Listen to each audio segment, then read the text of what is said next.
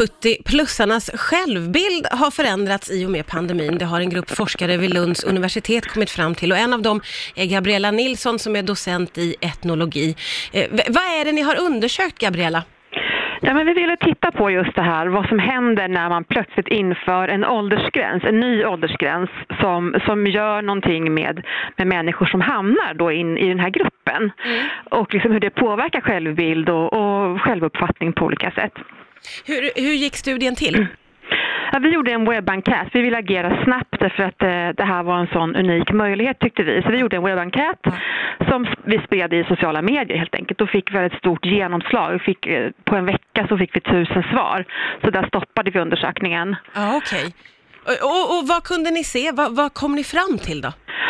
Ja, vi har ju håller på att jobba med materialet nu, så vi har ju inte analyserat färdigt. Men en av de sakerna som vi har sett är att precis det som vi ville veta också, just hur man förhåller sig. Att, att det här väcker tankar om den egna identiteten. Och, för det här är ju en grupp som inte upplever sig själv eh, oftast som sårbar och, och liksom gammal. Det är inte det där man tänker om sig själv. Man är aktiv, man kanske fortfarande jobbar, man är liksom frisk. Eh, och när det här då kom så började man fundera över vad är det då liksom, jaha, är jag nog gammal, är jag sårbar och så vidare. Så den typen av, av reflektioner ser vi i materialet. Att man har börjat liksom se på sig själv på ett annat sätt då?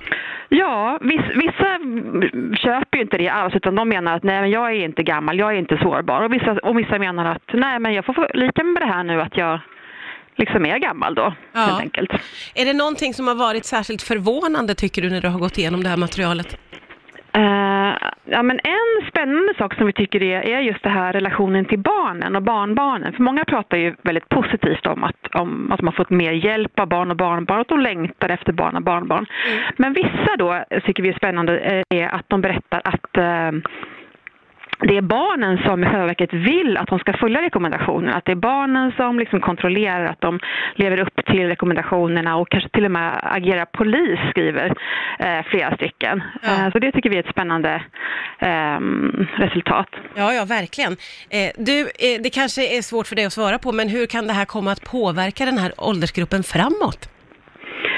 Ja, men en åldersgräns som sagt gör ju någonting med, med personer. Eh, det här, i, på ett sätt kan man säga att en sån här åldersgräns påskyndar eh, konsekvenser av, av åldrandet som kanske handlar om liksom, ökad eh, sårbarhet och eh, minskad autonomi och den typen av eh, ja, aspekter. Mm, man, att man blir mer medveten om sin ålder och, och sin egen dödlighet på något sätt.